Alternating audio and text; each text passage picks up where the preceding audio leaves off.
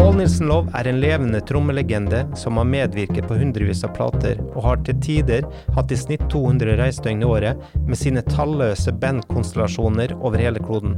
Paul har et søkende, virvlende frihetsdriv både på scene, på plate og i podkaststudioet, og han tar oss med på klubber i Etiopia, til scener i Brasil, via hans stupdykk i nordjapanske sjangernisjer, og tilbake til hans nystartede festival på Nesodden. The Music Manager blir til i samarbeid med Music Norway, og mitt navn er Vegard Vaske. Pål Nilsen Lov. Vegard Vaske. Du er jo eh, en energisk sjel. Eh, la oss begynne med hvor bor du nå? Ja, jeg pleier å si det hotellet som jeg bor på den natten jeg ble spurt om det spørsmålet. Men uh, nei, spøk til sides. Uh, nå bor jeg på Nesodden. Ja. Og uh, nå er det etter pandemien, da, nå er det full gass med 200 reisedøgn i året igjen, eller? Nest, nei, det er ikke nesten engang. Altså det, det, har, det, det har tatt overraskende lang tid å komme i gang igjen. Til dels pga. Ja, kanskje hele infrastrukturen. øh, til booking øh, hos meg sjøl også. Men ikke minst altfor mange konserter som ble utsatt og flytta på, som rett og slett fylte opp programmet på festivaler og klubber overalt. Mm. Men øh, la oss si det sånn, én ting jeg lærte også mange andre musikere under pandemien, at det var helt OK å bare sette seg ned iblant. Mm. Så uh, om jeg skal tilbake til de 190 konsertene i året, det er jeg usikker på. Ja. Selv om altså, jeg savner det jo, og det ekstremt hektiske livet jeg hadde. Men ja, det, det, det er en tid for alt. Ja. Så nå uh, går frekvensen litt ned? Du kjører ikke 190 i året lenger nå? Nei, altså Men det skulle jo også sies, la oss si ti år siden, når jeg hadde 198 konserter, så tenkte jeg så bare å booke to konserter sånn på døra for å ja. nå 200. Men når jeg kom til nyttårsaften, så tenkte jeg nei, det er ikke et mål. Skjønner. men, men, altså um, Men la oss begynne i en ende. Ja. Da. Nå må vi snakke eh, fort hvis vi skal klare å komme gjennom alt du holder på med. Så PNL uh, eh, Large Unit, mm -hmm. fortell. Det var et storband som kom i gang er det nå ti år siden, nøyaktig faktisk. Uh, takket være Jan Ole Otnes og Elbjørg Raknes, det skal sies. Uh, jeg begynte å spille med Jon Rune Strøm, og det var første gang jeg ikke var yngst i bandet. Og så fant jeg ut ok, nei, la oss få i gang dette her storbandet, som besto av yngre musikere. Og ti år etterpå så har det en, en del utskiftninger. Og så fyller vi faktisk uh, ti år. Vi har vært over hele verden. Mexico, Brasil, Japan, Etiopia to ganger. Ja vel. ja, ja. Jo, men store... Etiopia-turné, eller bare Addis Abeba? Eller, uh... Det er et godt poeng. Vi var kun i Addis, men vi var, gjorde vel én eller to konserter hver dag. Ja. Og hadde med oss mye instrument som vi donerte til tre ulike skoler og et sirkus og en klubb. Mm. Pluss trommestikker. Altså, jeg, med, jeg dro jo ned ofte alene med stikker som jeg fikk fra trommeslagere i Oslo. Ja. Eh, bare Etiopia, det altså det, Vi må nesten snakke litt om det. Er dere det første og eneste norske bandet som noen gang har spilt der, eller finnes det på en måte en, en, eh, en aktiv scene der? Det finnes en aktiv scene for både jazzmusikk og selvfølgelig ja, ja, tradisjonell musikk. Men det var faktisk uh, noen folk fra Trondheim som navn jeg ikke husker nå som var i Addis og spilte inn med samme musikerne som jeg har jobba mye med. Og mm. de gjorde vel ei plate eller to.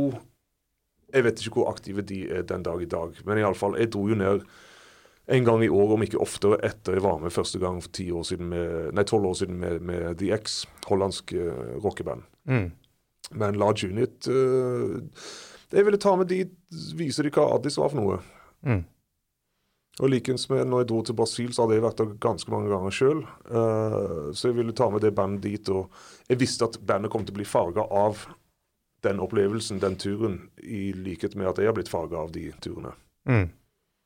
Og uh, nå skal dere ha uh, feiring på Victoria og Vossajazz og etc.? Ja, det, altså, de tre kveldene på, på, på, Victoria det kommer til å bli ganske heftig, hvor Large Unit opptrer i jeg håper jeg, til dels ulike formasjoner, også med ulike gjester, bl.a. Akira Sakata fra Japan, saksofonist som er nå 77. Uh, Terry X og Andy Moore fra The X. Vi skal også på lørdagen spille sammen med Fendika, som er et syvmanns dansemusikkorkester fra Addis. Pluss mange småbesetninger. Jeg er også invitert med Jon Øystein Flink, som skal trylle. Mm. Uh, jeg prøver også å få Ja, jeg vil fucke med konsertformatet de Mm. tre Mm. kveldene. Vi skal også tapetsere hele stedet med, med etiopiske stoffer. Uh, ja, Folk går inn dit og kommer til å lure på hvor de er, og når de går ut derfor, skal de Mm. tenke det samme. Men i alle Mm. så skal vi videre ut på turné med buss. Uh, stoppe et par steder i Norge før vi ender opp på Våsa Jazz. Mm. Bitte litt tilbake til med Afrika. Altså, det har jo vært et litt sånn ikke-eksisterende territorium med tanke på det å kunne turnere eller helt, i hele tatt liksom få musikken sin ute. Jeg har jo sjøl sett at eh, liksom på artister jeg jobber med nå, så plutselig så dukker mange afrikanske land opp på sånn eh, Spotify Place eh, og sånn. Og i tillegg så vet jeg at Sony Publishing har starta kontor i Nigeria, og at liksom ting er på en måte i vekst der, da. Er det, er det liksom Har du noe inntrykk av hvilke land i eh, Afrika som har en, som en velfungerende infrastruktur for turnerende band? Oi, det er et godt spørsmål. Um, nei, altså jeg har Har du bare spilt i Etiopia? Du? og jeg var i Syd-Afrika for uh, 25 år siden, om ikke lenger. Ja. Og da var det Norad. Ja. Med hjelp av et management, uh, Share Sound, tror jeg det het. Okay. Uh, det eksisterer ennå. Mm. Um, så Sør-Afrika er Jeg mener OK, klisjé, men Afrika er et stort kontinent. Mm. Uh, alle landene har veldig ulik hva skal jeg si, økonomi, infrastruktur, politikk. Mm. Uh, det er jo ikke alle land du vil besøke, kanskje. Nei. Det er ikke alle land du kan besøke. Mm. Og um, Men jeg vet, altså det er noen band som har tatt sjansen på å lage en turné, men den gjør du kanskje når du kommer dit. Mm. Det gjør du kanskje når du kommer dit. Som The X. De begynte med et par jobber i Addis, og så baller det på seg. Eller Mm. de kjørte til den nærmeste landsbyen, gikk til øh, ordføreren, spurte kan vi få spille konsert her. og så rigga de det til dagen etterpå. Ja. Men Keith Jarrett, når han var i Oslo på 70-tallet, så var det tre dager etterpå, så hadde de booka en konsert i Stavanger på Mm. tre dagers varsel. Ja. Så Mm. den, den slags har skjedd her også. Ja. Uh, det skal jo også sies at uh, i Etiopia så sier de Etiopia og Afrika. Mm. Så det er et stolt folkeslag i Etiopia, men um, det fins en viss infrastruktur i selve Addis. Uh, jeg skulle gjerne spilt rundt omkring i uh, hele Etiopia og flere afrikanske land. Jeg skulle gjerne vært i Senegal og Mali. Mm. Uh, men som sagt, det er ikke alle steder det er like trygt. Nei, ikke sant. Men det er interessant det du sier i forhold til Spotify, og det er vel kanskje det eneste positive en kan si om den forbaskede skurken som driver det, at nå er det faktisk land i kontinent som Afrika, Sør-Amerika, som har tilgang til den musikken som faktisk jeg holder på med, Mm. og ergo vekker interesse, og så til slutt kanskje finnes det en åpning for oss å komme seg dit. Mm. Ja, for jeg syns det er interessant at utgangspunktet så har jo du holdt på med det noe man vil kalle smal musikk, mens eh, når man på en måte har eh, Altså, når den musikken har muligheten til å nå alle potensielle lyttere i alle land, da er det plutselig ikke smart lenger. Sånn at uh, sånn subsjangre kommer bare til å vokse og vokse og vokse. Altså- så når uh, alle er på Spotify eller, eller en eller annen tjeneste om, om ti år, liksom, sant, så vil jo uh, publikum finne frem til uh, Da får du horder av frijazzfans over hele verden, liksom. Å, gud forby.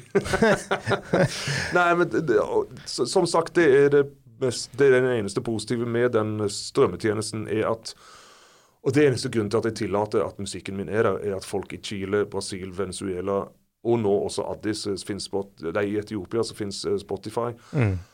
Og da når den musikken, eh, ja, som du sier, til et bredere publikum. Mm. Så først internett, så strømming. Um, og jeg, jeg mener, jeg lar meg fascinere altså, jeg håper Du vet jo det, Hvis jeg er i et land som jeg aldri har vært i, så jeg oppsøker en platebutikk umiddelbart. Ja. Om det er i Macedonia eller uh, Addis eller, eller eh, Rio de Janeiro. Mm. Finne ut hva som der, finnes der. Mm. Men ikke minst da med internett, Spotify, så kan du også finne ut det hjemmefra. Men det er litt vel overveldende. Ja, ikke sant. Men eh, videre, altså når jeg skulle prøve å få til det her intervjuet med deg, da, så var det først sånn der jeg sender tekstmeldinger og liksom så at meldingene ikke har gått gjennom engang. Eh, og så liksom sånn her, ja, Etiopia, ok, greit. Og så, ja, jeg kom hjem da, og så plutselig, nei, du, nå er jeg i Brasil. Eh, og, så, og nå skulle vi egentlig gjøre det et par dager siden, og du var bare, oi shit, jeg kom hjem i går, og la la la. Men eh, hva gjorde du i Brasil da? Du, Da var vi et nytt prosjekt som eh, Ja, takket være Music Norway eh, og ikke minst Kulturdepartementet, som hadde bevilga ekstraordinære midler til å rett og slett få i gang eh, noen nye samarbeid. Og nytt ble det. eh, og til dels, hva skal jeg si, bekjente ble med. Rolf Erik Nystrøm, Kalle Moberg, som jeg jobba med før. Rolf Erik har jo kjent siden jeg var 17, når vi var på jazzkurs på Tonheimen. Mm. Uh, Kalle har jeg spilt med i ca. fem år. Pluss tre brasilianere, hvorav én jeg har spilt med før, er Negro Leo. Fantastisk uh, sanger og um, jeg håper å si kassegitarist. Eh, eh, hva skal jeg si, Det nærmeste jeg kan trekke linjer til, er ditt første plate med Tom G, hvis, det, hvis du kjente det. Nei. Eller en fri George Ben, eller Altså, han er så fri i pop- popmusikk som Mm. en bør eller kan være. Mm. Og så var det med en ung eh, kvinnelig bassist som het Vanessa Ferreira, og en ufattelig bra og ung perkusjonist med veldig uh, kunnskapsrik uh, Pablo Carvalho. Mm. Så rett og slett, vi gjorde fem konserter. Vi satte i sammen et repertoar sjøl, altså sammen. Det er første gang jeg har gjort litt sånn som et rockeband med å jamme fram ting. Og um, stor utfordring var det, men jeg, jeg syntes vi klarte det. Mm. Og publikum likte det, og, eh, og vi hadde det gøy. Og det er et samarbeid jeg vil fortsette. Mm. Så um, ja, plutselig så var det et nytt band med norske eh, og brasilianske musikere. Mm. Hvordan, bare sånn, eksempel, altså ta det eksempelet da, hvordan blir et sånt band til? Hvordan uh, eh, blir den ideen liksom født på en backstage en gang, liksom bare, hei, kanskje vi skulle gjort noe sånt, og så, og så er dere så impulsive alle sammen at eh, det faktisk eh, skjer? Ja, ikke sant? Nei, altså, jeg mener Det betydde jo at Rolf Erik og Kalle og vi som, la oss si det sånn, har litt mer eh, erfaring med improvisert musikk. Så enkelt var det. Men det betydde jo at vi måtte komme med ganske klare ideer. Det betydde også at de brasilianske musikerne måtte komme med noen ideer, spesielt Negro Leo, som er bra låtskriver, kom med sine ting. Men altså, vi satt jo der plutselig som, med store spørsmålstegn. Og hvis du er mer enn fem stykker i bandet, så tenker jeg da må du ha en bandleder. Og så var det plutselig tre bandledere, kanskje fire bandledere. Så de fikk rydda litt opp i det den dagen jeg var på sjukehus og fikk satt et par sprøyter pga. moskito. Men uh, Nei, men det, det er et godt spørsmål. Altså, mange band oppstår, eh, oppstår eh, backstage i en bar seint, nachspiel eller um, Men altså, jeg brukte mye tid på å tenke ut hvem som skulle være med. Mm. Og frem og tilbake, frem og tilbake. Også mye hjelp av en veldig god venn, Bernardo Oliveira, som kjenner til alle pensjonister som finnes, eller musikere i Brasil. Så det Jeg brukte mye tid på å sette de sammen, uh, i likhet med, med, med både Large Unit og et annet band som jeg har nå, med Sirkus. Så det Mye skjer på, på skrivebordet før jeg tar de telefonene. Mm. Og altså, la oss snakke, nå har vi toucha inn på Afrika. Hvordan eh, er det søramerikanske markedet da, innenfor den, eh, i den stilarten du er i? Altså, i, det, i Rio så fins det et så finnes det interesse og et veldig hva skal jeg si, åp, skal jeg si, åpent miljø. Mm. Eh, I Rio de Janeiro. I Sao Paulo så finnes det også miljø for denne musikken, men litt annen atmosfære der. Mm. Litt, altså Det er en større by, litt røffere, litt mer albu enn Rio. Uh, men absolutt det er interesse for den musikken, og jeg vet folk som, som uh, Hva skal jeg si spiller den musikken på heltid, men de lever jo ikke av det. Mm. ikke sant? For det, Jeg skulle gjerne bodd i Brasil, men jeg kunne aldri overlevd på musikk der. Nei. Da måtte jeg reise til Europa hele tiden, og det tar litt lang tid. Men de har noe som heter SESK, eller SESK. Og det er skattebetalernes eh, penger som da gir gratis konserter, svømmehall, idrettshall, bibliotek til de som eh, ja, vil benytte seg av det. Mm. Bolsonaro prøvde å ta og, og, og, og um, kansellere hele den SESK. Heldigvis så klarte han ikke det. Nei. Men gjennom SESK så faktisk så når du ut et ganske stort publikum på disse konsertene og spiller for opptil 200-300. Mm. Som kanskje ikke er så stort um, i noens øyne, men Mm. still. Mm. Ja, videre, da. eh, Så har du også et uh, band med David Murray og Ingebrigt Håker Flåten. Mm. Ja, det holdt på å si Når vi la ned The Thing, så var Ingebrigt og meg hypp på å fortsette med et eller annet. Og så tror jeg det faktisk var faren min som sa ja, men hør, spør David Murray, da, som jeg tilfeldigvis hadde møtt på en flyplass etter jeg hadde spilt med Arthur Lindsay. Ja. Og han og meg, så det er litt Hvis det er tid til en anekdote, så står Ja, vi i den eh, Hva heter det? Sikkerhetskontrollen. Mm. Og så takker han meg for konserten jeg hadde hørt kvelden før med Arthur Lindsay. Og så takker jeg for komplimentet, jeg. Men så sier jeg også til han uh, at jeg måtte fortelle han at sist gang uh, Første gang jeg hørte han, så var jeg åtte år gammel. Mm. Han holdt på å ramle av stolen. Ikke at han satt på en stol, men iallfall jeg hørte han da når jeg eh, var på Stavanger jazzklubb som mine foreldre drev. Mm. Og innen alder av åtte hørte jeg han med hans oktett. Da var ikke han mer enn 2 eller 23, for han var veldig tidlig ute. Eh, og så begynte vi bare å prate om musikk og hva vi likte, og han, det viser at han bodde både i New York og Portugal. Jeg også, har også et sted i Portugal. Og så utveksla vi telefonnummer, og så plutselig så sto vi på scenen i lag. Uh, og det var fantastisk å spille med han, og det blir fantastisk å spille mer med han. Uh, han er sinnssykt bra, og han dekker mye av jazzhistorien som hva skal jeg si, andre ikke har dekket, nesten sagt. Men han, han fremdeles kjører på som faen og eh, vil jobbe hardt når han er på scenen. Mm. Og også veldig utfordrende å spille med han, fordi en litt annen skole. Han, han lar det gå lang tid mellom den ene saksofonsoloen og den neste. Men hvorfor skal, han liksom, hvorfor skal det alltid være trio med saksofon? Mm. Så da var det plutselig lang trommesolo. Men da tenkte jeg ja, men det er ikke en solo. Det, det var, han har gitt meg ansvar i å føre musikken videre. Mm. Så Ingebrigt og meg plutselig var det 20 minutter med bare komp. Uh, men, men eh, sinnssykt bra musiker som jeg gleder meg til å spille mer med. Mm. Ja. Ja. OK. Ja. OK, og så videre. Hvilke andre prosjekter du har uh, Ja, På ikke gang. sant. Det er tusenvis av de. Uh, Ja. Nei da. Det, det er et band som oppsto under pandemien. Uh, jeg håper takket være Oslo World Music Festival og Philip Rochau. Mm. uh, som heter Paul Nilsen Love Sirkus. som er en septett. Mm, også med nye folk. Uh, det er gøy å spille med litt nye, og det er faktisk det første bandet som jeg spiller i og driver med uh, vokal. Og da er det en fantastisk vokalist som heter Juliana Wenter uh, fra Syd-Afrika. Og uh, som også er nabo på Nesodden. Eh, vi kan komme tilbake til det senere i forhold til fram. Men iallfall, det bandet er sinnssykt gøy og også utfordrende. Eh, jeg skriver musikken, men jeg vil at det skal være så fritt som mulig, men med visse strukturer og låter. Uh, men mye elementer, mange elementer fra brasiliansk musikk, og da nordøst i Brasil. mm. Og Der finnes det også en uh, Det er det som er fascinerende for meg med Brasil, at det er så rikt land i, i forhold til kultur, musikk, uh, historie, det ene og det andre. Men hvis du reiser rundt, så oppdager du hvor forskjellige musikkstilene er. Mm. Og det gjelder både karnevalene i Rio versus Recife og Linda. Det en landsby litt lenger inn i landet som heter Nazaré da Mata. Mm. Og der var vi hele natten, og musikken startet var det ni på kvelden. Og den slutta ikke ett eller to eller tre, den slutta når, når solen sto opp.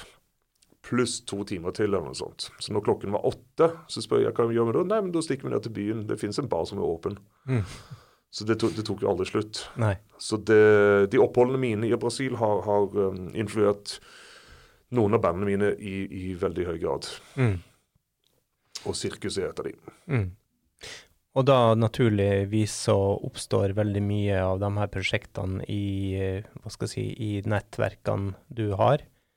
Eh, er det noe du liksom føler er på en måte unexplored? Er det noe du er det noe liksom eh, som eh, Noe du har kunne tenkt å gjort, men som du ikke helt har eh, funnet riktig tid og, og kanskje folka til?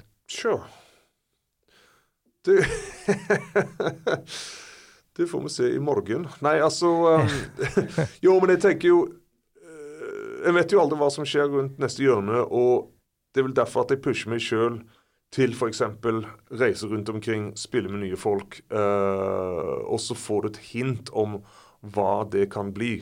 Mm. Um, altså, under pandemien også så oppdaga jeg musikk fra nord i Japan, altså fastland prefecture som heter Aomori, og så er det en by som også heter det, men også en by som heter Tsugaru. Og da er det musikkstil som heter Tsugaru shamisen. Okay. Og så oppdager jeg at det finnes jo tusenvis av plater og noen ufattelig bra uh, musikere som utøver denne her musikkformen, som er en slags det er en ganske grov bluesaktig uh, med kun et strengeinstrument og vokal og kanskje en tromme. Um, så, OK, så jeg ville utforske mer om det.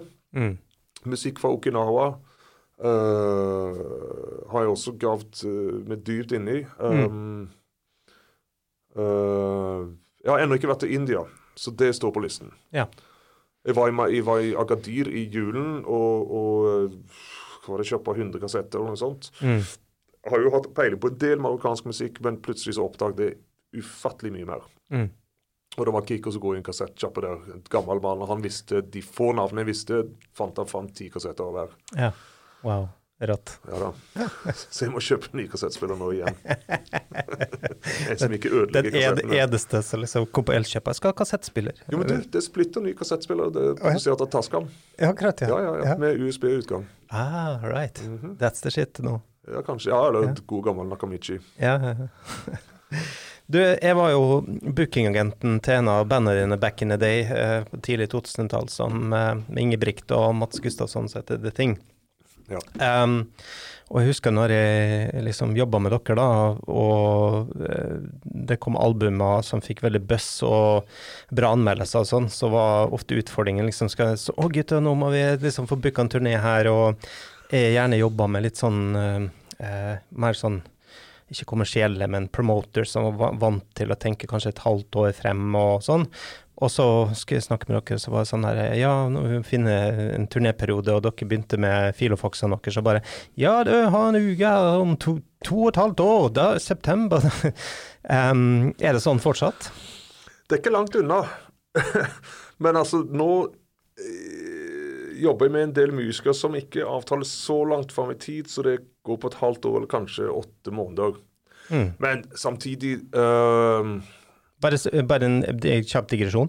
Veldig interessant, fordi at uh, back in the day da, så var det jo sånn at eh, den var litt sånn pop-rock-segmentet jobba et halvt år frem, mens jazz eh, hadde sånn to år frem. Mens nå har på en måte eh, liksom Det er jo det kommersielle musikken som har nærma seg jazzen, for nå er det jo mer sånn der Ja, når store artister skal ut og turnere nå, så tenk, driver de på å planlegge høsten 24, tidlig 25, liksom. Så um, dere var først ute, da, kan du si. Nei, men, altså, men, men det er interessant det du sier, at ting har gått motsatt vei på de, for de to ulike stilene. Hvis Mm. vi skal kalle de to ulike. Um, altså, Jeg syns det er et helsike Jeg hater å plassere ting i boken. Fordi jeg vil ha det litt åpent. Jeg vil ikke vite nøyaktig hva jeg skal gjøre om to år eller tre år. Samtidig selvfølgelig er det litt betryggende, Mm. men jeg liker at det skal, kan eksistere litt uh, spontanitet, og, og um, at jeg skal kunne si ja til hvis det plutselig dukker opp en turné. De trenger en trommeslager, eller øh, ja, hva det nå skal være. Altså I Etiopia så bookes jo en turné uken før. Mm. Brasil opp til to dager før iblant. Ja. Til og med godt betalte jobber har jo blitt tilbudt to dager før. Oh, wow. Ja, ja, ja, det er helt ute. Yes. Uh, men OK, innenfor popbransjen så kan jeg forstå at det tar lengre tid, for nå er det så ufattelig komplekst, uh, dette her markedet, som bruker det ordet der, i forhold til ja, de sosiale medier og bla, bla, bla, bla. bla. Men ting må planlegges så nøye, for det er så mange om beinet. Og det er så vanskelig å nå ut til publikum med de hva er det, det oppmerksomheten de ser to sekunder. Mm. Og da skal du faktisk treffe dem på de to sekundene. Ja, du har blitt veldig aktiv på TikTok i det siste, Oh, ja, ja. så Fortnite er min Ja, ikke sant? Nei, det kommer ikke til å skje foreløpig, men um, ja, du vet Who knows? Ja, nei, man veit virkelig aldri nå. Plutselig så tar eh, Fria seg opp på TikTok, liksom. Det er ingenting usannsynlig Altså, jeg er sikker på hvis du gjør det på rett måte. Mm. Ja, ja, ja. Mm. Um, altså en, en, liten sånn anekdote i forhold til The Thing, da, var jo at uh, jeg booka dere til Roskildefestivalen. Og så, uh, og så uh, og det, liksom, det her viser litt sånn om kompromissløsheten deres, da, som jeg også digga at når jeg, jeg, sa til det at eh, ok, nå skal dere spille på rockefestival, liksom, så nå kanskje sløyfe det her gni på cymbaler med tre stykker partiet, og bare kjøre full pinne hele veien, liksom, for det er da folk, eh, kommer eh, rockefolka til å skjønne konseptet, da. Og så husker jeg du så litt på meg sånn, ja, mm, mm. Og så midtveis ute i settet så var det frem med treklossene og gni på cymbalene. jo, men det beit vel en faen i oss, altså. Ja, ja, ja, ikke sant? Nei, så vi gjorde det vel ikke lett for deg. Uh, det skal du ha. at du... Uh... Men, jeg, men, i ettertid så tror jeg heller ikke at vi gikk glipp av en sjanse. Vi gjorde så godt vi kunne. Ja, og du absolutt. gjorde så godt du kunne med oss ganske så umulige. Mm. Du trodde på det, så det skal du ha. Ja, det var gøy så lenge det varte, i hvert fall. Ja, ja. Men du virker jo uansett på å være veldig opptatt av å eh, liksom jobbe med andre typer eh, musikalske kulturer eh, for å komme det videre musikalsk. Er det, er det en drivkraft i det, eller uh, ja, does that altså, make sense? Jeg, jeg på en måte ser på det som en selvfølge hvis du jobber med ja, egentlig hva, hva, som helst. Altså. At du, du, du, må gå videre og videre og videre. Og du tar med deg uh, all erfaring, uh, bygger videre på det, men du må tilegne deg uh, nye ting, og det gjør du ved å, å reise. Mm. Møte folk. altså Jeg er ikke den som går hva skal jeg si, rett i seng. Og, og, jeg vil oppleve så mye som mulig for de ulike stedene jeg reiser til.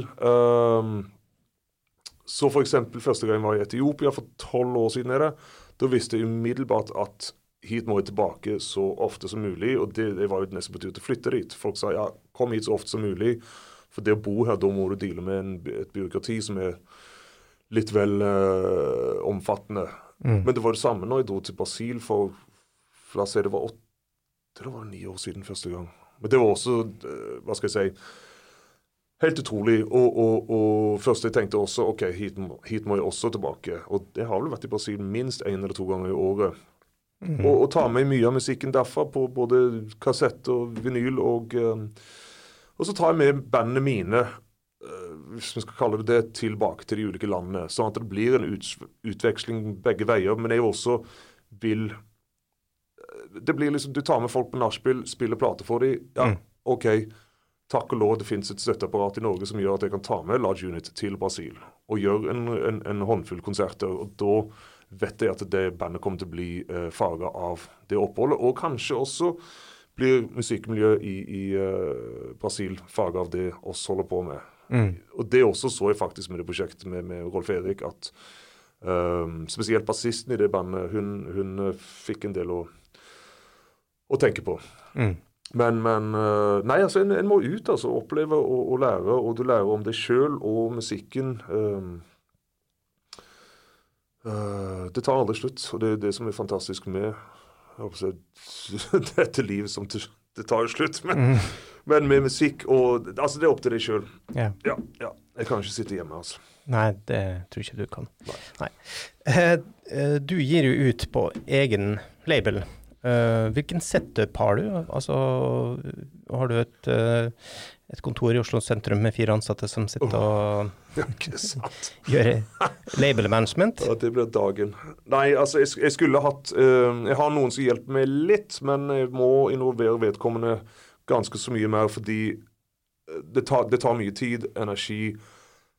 du skal koordinere, du skal følge opp når du snakker om popbransjen. Mm. Det, det er omfattende. og Selvfølgelig få kjeft av han som hjelper meg med prom promotering i Berlin. Altså, ja, Paul, du må gi beskjed iallfall to måneder før platen kommer ut. Mm. Ikke bare sende det inn i posten og tro at jeg skal kunne promotere en plate på to dagers varsel. Ja.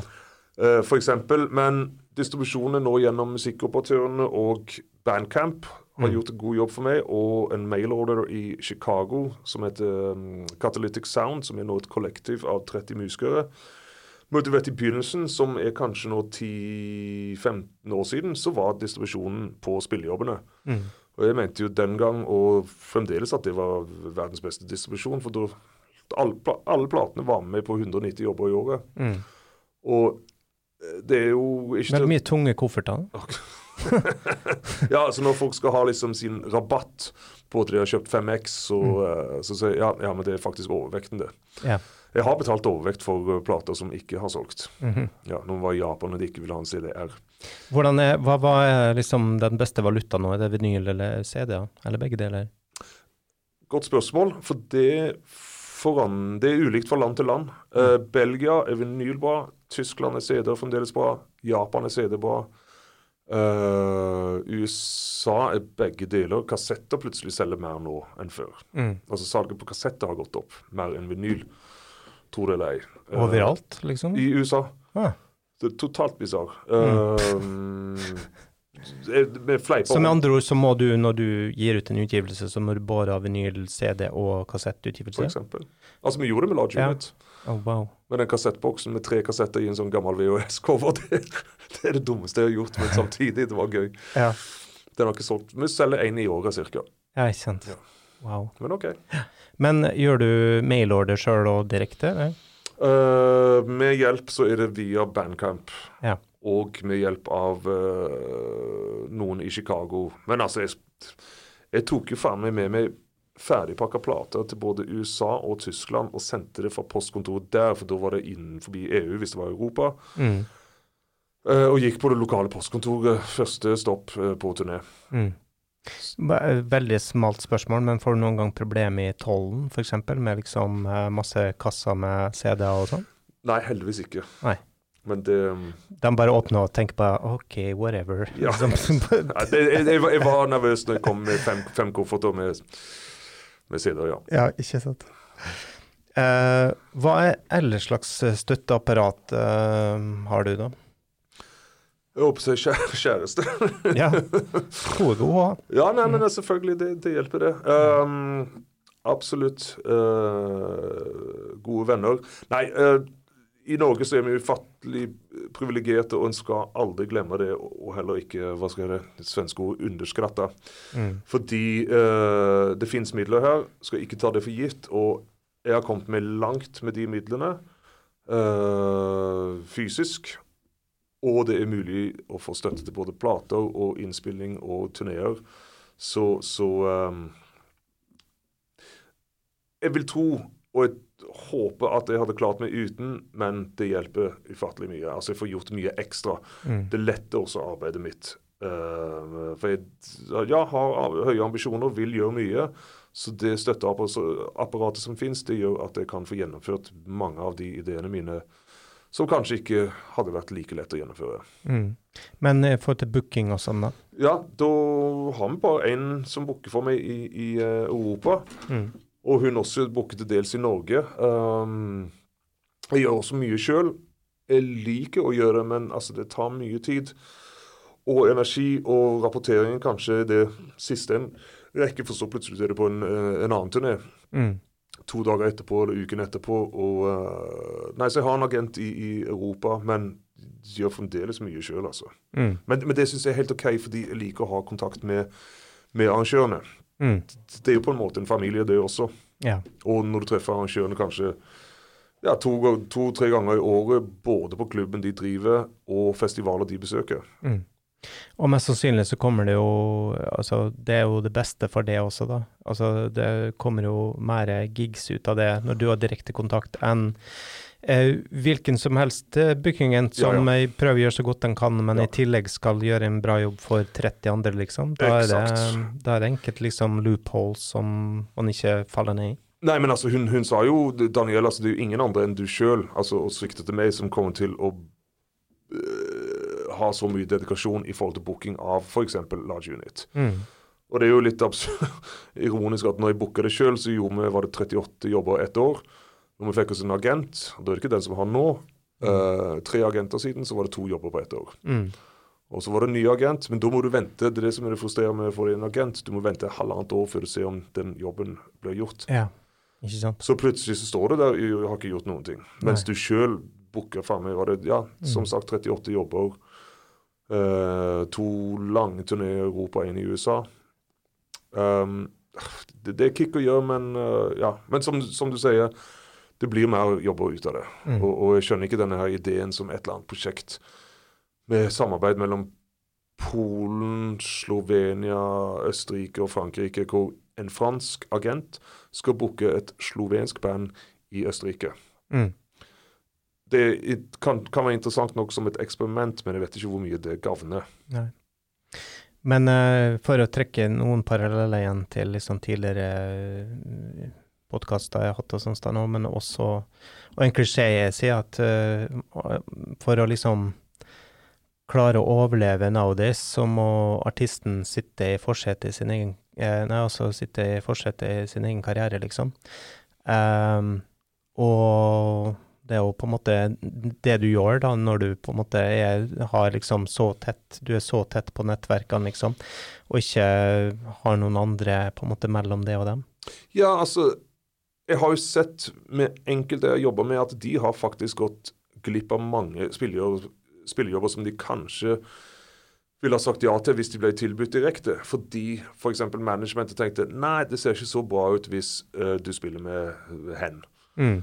På det og det stedet. Mm. Eller managementet selger vernet for dyrt, f.eks. Da går du glipp av liksom en hel rekke steder som var familien din, som faktisk var med og bygde opp karrieren din, Ja. hvis vi skal bruke det ordet. Mm. Så hvis, ja, når, hvis jeg skal jobbe med en agent, så skal den kommunikasjonen være så transparent som mulig. Mm. Hvordan er økonomien i ditt segment? Er det lett å få ting til å gå rundt? Iblant så er det hånd til munn, andre ganger så kan jeg gå på restaurant. Ja, akkurat. Nei, men altså En overlever uansett. Uh, Ja. Jeg er vant til å, å hva skal jeg si, spise enkelt. Jeg liker også å koke meg i hjel, holdt jeg på å si. Mm. Stå på kjøkkenet i to dager. Koke meg i hjel. Stå på kjøkkenet i to dager. eh, og takket være eh, Altså, jeg, jobber jo hardt. Jeg jobber mye, så det går rundt. Ja. Koke begge hjel. Vet faen hvor den kom fra. Men altså, lett og lett og lett og lett. Vi, vi jobber hardt, og, og um, Jeg ser jo at det er litt andre Hva skal jeg si uh, nå um, Det er litt annen situasjon nå enn det var før pandemien, faktisk. Altså, men takk og lov at det finnes uh, noe som heter Kreos anbefalte minstesats. Mm. Men øh, Og for ti år siden, fem år siden så så jeg på det som totalt utopisk. øh, men det har faktisk blitt en øh, standard nå. Mm. Og takk og lov at det, det fins, men samtidig øh, Idet du kommer ut av et konservatorium, så syns jeg ikke at du skal forvente at du skal få den minstesatsen. Mm. Og heller ikke sende en faktur på det når det faktisk var en helt, noe helt annet som var en avtale. Mm. Så, så um, Jeg velger fremdeles å spille for mindre på steder som jeg ser det er verdt å spille på. Mm. Uh, og ta betalt der det skal, der det skal tas betalt. Mm. Men eh, for å kompensere, så har du jo vært med å starte sånne veldig kommersielle festivaler som All Ears og Blowout. Ja, ikke sant? Eh, Det tjener du mye på. eh, og du har jo vært veldig opptatt og god til å være med på å starte internasjonale arenaer her i Norge, da. Eh, og nå har du en ny festival på gang på Nesodden. Ja, altså eh, Ja, er det Fram eh, kunstfest. Vi valgte å kalle det det. Unngå festivallabelen. Mm. Men Når er det? det, den eh, skjer i oktober, uh, uke 42. Aldri vært på Nesodden. Jeg bodde i Oslo i 30 år og aldri vært på Nesodden. Tuller du? Det er da jeg skal til Nesodden. Ikke I oktober. Nei, men altså, jeg angrer på at jeg ikke flytta ut tidligere. Uh, jeg håper så, Det var ikke tilfeldig at jeg endte opp dit nå, men, men, men um, Og jeg hadde heller ikke overlevd pandemien eh, hvis det ikke var for Faktisk så har jeg satt pris på at det finnes litt grønne trær yeah. ut forbi huset, holdt jeg på å si. Men, uh, og tempoet er litt annerledes der ute. Uh, folk er veldig hyggelige med hverandre, hjelper hverandre. Du har et sånt, hva skal jeg si, samfunn av folk som, som Ja, døren står åpen, Mm. rett og slett. Uh, men iallfall med Fram, som drives Første år så var det bare Juliana Wenter og meg, men så fikk vi med hennes mann Rolf Erik Nystrøm. Uh, som Det var en selvfølge og at vi nå er tre. Eh, det som er gøy med den festivalen, er at vi inkluderer så å si alt som fins av uh, la oss kalle det kreative kunstformer. Så det er alt fra film til teater, dans, til og med eurytmi. Vi er- på Nesodden, ikke sant? Vi må ha eurytmi. Ja, ja. Mm. Uh, og og musikk. Og da, da er det hele spekteret av hva musikk kan være. Så intensjonen min er at når folk går dit, så skal de lure på hva i alle dager som, har, som foregår. Og når de går derfor, så skal de stille seg så mange spørsmål uten at det er svar. Men liksom Ja. Jeg, Kom til å utløse masse eksistensie- eksistensielle kriser der hos eh, masse folk Ja, eh, i oktober 2023. Ja, ja, ja, ja. Nei, men, altså, men, det, men det er jævla gøy. OK, det er også jævla hardt arbeid. Og eh, vi holdt nesten på å ta livet av eh, oss sjøl og hverandre og forhold. Uh, for det er også en ting som skal snakke sånn på Vossøyas. Det er frivillighet, hvor de frivillige blir av. Ja. Og de fins jo faen ikke lenger. Nei. Så vi sto jo til liksom, var det fem om morgenen og, og vaska gulv Mm. før skolen skulle åpne klokken åtte. Mm. Kjempegøy. Mm. Men, eh, men OK. Eh, Jeg, jeg ser det på som verdt å gjøre det, fordi det vi fikk til, var så ufattelig gøy. Uh, fikk stilt alle de spørsmålene, konfrontert folk. Til og med debatt. Eh, ja, som, som også, hva skal jeg si, satte en del ting på, på um, dagsorden. Mm. Men i motsetning til Blowout, så var en mer altomfattende festival. Jazzmusikk, improvisert musikk, eh, til dels rock, eller hva det nå skal være. Mens All Airs, når jeg starta den, er det 20 år siden, sånt, så var jo det som en markering av at det var en uh, voksen interesse for improvisert musikk gjennom klubben Blå. Eh, det skal den bl.a. ta eh, æren av, og ikke minst labelen Sofa til Inge og Ivar. Mm. Um, så All Ears var jo 100% improvisert musikk. Blowout var et alternativ, ikke et motfestival til Oslo Jazzfestival den gang. Mm. Uh, og Fram kunstfest er på tvers av absolutt alt. Mm. Pluss at det er ufattelig mye uh, hva skal jeg si, iboende ressurser på Nesodden. Altså det, det viser seg at det er en, en gresk bozuki-spiller som heter Lakis, og han har spilt på 400 innspillinger Ja. med bl.a. Uh, Theodorakis. Mm. Mikis Theodorakis. Og han bor på Nesodden i en alder av 85. Ti Ja. år siden han slutta å spille. men Og det var han som spilte um, Zorba the Greek. Ja, ja. Ikke sant? Okay. Han har bodd på Nesodden siden 80-tallet. Det er faen meg nesten ingen som vet. Rått. Jeg gleder meg til å dra, ta ferga til Nesodden i, i oktober. Jeg serverer øl. Ja.